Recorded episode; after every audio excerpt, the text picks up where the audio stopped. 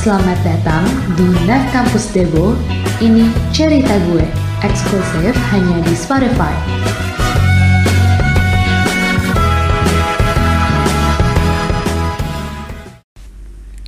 Halo teman-teman, perkenalkan aku Debbie Pak Pahan, usiaku 20 tahun. Aku adalah alumni Diploma 1 Kepabeanan dan Cukai Politeknik Keuangan Negara Stan angkatan tahun 2018. Dan saat ini, aku sudah bekerja sebagai seorang pegawai negeri sipil di salah satu kantor bea cukai di Jakarta.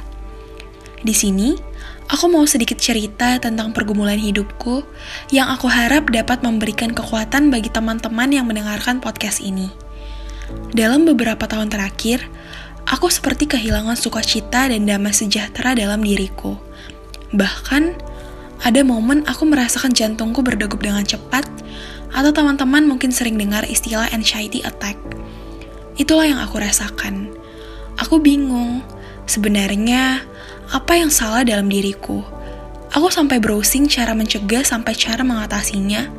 Aku benar-benar bingung dan tidak tahu.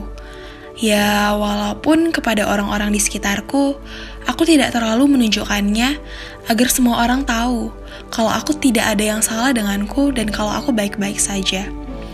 Tetapi di sisi lain, aku sebenarnya sering mengeluh ketika aku sendirian. Aku mengeluh kalau hidup yang aku jalani sekarang bukanlah hidup yang aku inginkan. Tak ada satupun yang dapat dibanggakan dari kehidupanku sekarang. Pada suatu momen, seorang sahabatku meminjamkan aku satu buku yang berjudul The Emotionally Healthy Woman. Buku ini kurang lebih memberikan gambaran tentang hal-hal yang dapat dihindari agar emosi kita menjadi sehat dan stabil dalam sudut pandang Kristiani. Aku membaca dan menyerap pesan-pesan yang penulis sampaikan melalui buku itu. Dalam suatu bagian dalam bukunya, penulis memintaku untuk menjawab dalam hati, apa sih sebenarnya hal-hal yang aku sukai, aku paling hormati, aku paling benci, dan memintaku untuk berkontemplasi membayangkan siapa aku, bagaimana hatiku, kisahku, sampai kepribadianku, agar aku menemukan siapa sih diriku sebenarnya. And the worst thing happened ketika aku sadar kalau ternyata apa yang aku alami, kenapa aku sulit bersuka cita, masalahnya ada dalam diriku sendiri. Hingga pada momen lain di malam hari saat aku tidak bisa tidur, Tuhan membawaku untuk mengunjungi profil Instagram seorang influencer Kristiani. Dalam kesempatan kala itu, dia menyampaikan motivasi untuk resting.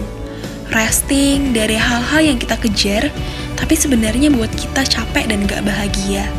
Resting dari hal-hal yang buat kita seperti berlari, tapi gak tahu berlari ke mana. Dia menyuguhkan kisah seorang artis dan bagaimana suatu proses kehidupan di masa kecilnya membentuk kepribadiannya. And I felt that and cried. Aku menangis waktu itu. Kisahku tidak sama dengan artis itu, tetapi poin pentingnya sama. Dulu, waktu aku SD, beberapa keluarga dan orang di sekitarku sering berkata kalau aku berbeda. Berbeda dengan abang dan kedua adikku Kulit mereka yang putih dan kulitku hitam. Mereka cantik dan ganteng, sedangkan aku tidak. Mereka berprestasi di sekolah, sedangkan aku tidak.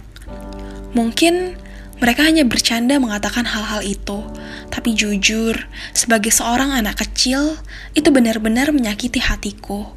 Ingin rasanya kubuktikan kalau mereka salah mengatakan hal itu tentangku. Tapi apa daya, perkataan mereka tumbuh dalam hatiku dan membuatku percaya bahwa aku adalah gadis kecil yang jelek dan bodoh. Hingga saat aku memasuki bangku SMP, entah punya maksud apa Tuhan sampai sebegitu baiknya mengangkat aku sedemikian rupa, sehingga aku dapat meraih beberapa prestasi di sekolah. Mulai saat itu, aku selalu berusaha mengejar prestasi dan pandangan positif dari orang lain tentangku untuk mengobati si Debbie kecil dalam diriku. Sampai aku duduk di bangku SMA, Tuhan mengaruniakanku beberapa prestasi dalam bidang akademik di mata pelajaran favoritku. Pada saat itu, semua terasa indah, banyak orang membanggakanku. Memasuki kelas 12, aku mulai mencari ke mana arahku nantinya. Dan aku membulatkan tekadku untuk mengambil jurusan impianku di salah satu perguruan tinggi di Indonesia. Tetapi, saat pengumuman tes masuk, aku dinyatakan gagal. Pada saat itu, aku kecewa karena tidak dapat mencapai impianku atau lebih tepatnya, aku kecewa karena aku gagal membuktikan kepada si Debbie kecil dalam diriku bahwa aku pantas. Tetapi puji Tuhan, aku masih diterima di jurusan lain pada salah satu PTN dan juga di Diploma 1 BC PKN STAN. Atas beberapa pertimbangan, akhirnya aku mengambil jurusan D1 BC PKN STAN. Aku menjalani masa kuliahku dengan tidak bersemangat. Banyak hal yang tidak pernah aku bayangkan aku harus lakukan. Beberapa kebiasaan yang baru harus aku jalani, padahal aku benar-benar tidak menyukainya sebelumnya. Aku merasa ini bukan hidup yang benar-benar aku mau. Aku mulai melihat teman-temanku yang memiliki beraneka ragam prestasi akademik, talenta yang keren-keren banget, teman-teman ekstrovert yang punya banyak teman, mereka yang berparas cantik, mereka yang berasal dari keluarga kaya, sedangkan aku, aku bukanlah siapa-siapa. Tidak ada yang bisa ditonjolkan dariku. Mata pelajaran favoritku pun tidak ada di sini. Sungguh kontras dengan hidup yang pernah aku bayangkan. Hal-hal ini membuat aku malu dan menolak untuk mencoba banyak hal karena aku takut kalau aku akan kembali mengoleksi kegagalan. Aku benar-benar menjalani hidup yang berfokus kepada diriku sendiri. Aku menjadi sedih terkait keadaanku, ketidakberbakatanku, bahkan kepribadianku yang introvert. Akibatnya, aku menjadi pribadi yang lebih pemalu, penakut, dan terkadang aku iri hati dengan temanku sendiri atau orang-orang keren di sosial media. Aku frustasi terhadap kejadian-kejadian yang membuatku merasa tidak berguna. Akar pahit yang aku bangun sendiri akhirnya berdampak juga terhadap hubunganku dengan Tuhan dan orang-orang di sekitarku. Masalah-masalah yang datang semakin membuat aku bingung. Menurutku, setelah aku bekerja apalagi di usia cukup muda, aku seperti memasuki level baru dalam kehidupanku aku mulai terlibat dalam persoalan keluarga, paksaan untuk menjadi lebih dewasa, dan kehidupan pekerjaan dalam lingkungan birokrasi yang membuatku uring-uringan. Apalagi aku yang paling muda dalam lingkungan kerja. Hal-hal negatif dalam lingkungan pekerjaan seperti membuatku yakin bahwa seharusnya aku tidak berada di tempat ini. Tetapi aku bersyukur, di tengah masalahku, Tuhan selalu baik, bahkan terlalu baik. Tuhan berikan aku keluarga yang luar biasa yang selalu ada untukku. Tuhan memberikan aku sahabat untuk berbagi cerita. Tuhan tempatkan aku di lingkungan yang peduli satu dengan yang lain. Tuhan melalui hambanya di mana pun, bahkan di sosial media selalu mengingatkanku bahwa aku sungguh berharga. Tuhan juga tempatkan aku dalam komunitas yang berisi orang-orang baik dan tulus yang membuatku semakin ingin bersyukur. Puji Tuhan, setelah kejadian demi kejadian yang aku alami, akhirnya aku menyadari akar pahit yang aku bangun dalam kehidupanku adalah karena fokusku hidup untuk diriku sendiri, bukan hidup untuk Kristus. Aku menyadari kalau semenjak awal aku sudah diciptakan spesial oleh Tuhan untuk tujuan terbaiknya dalam diriku.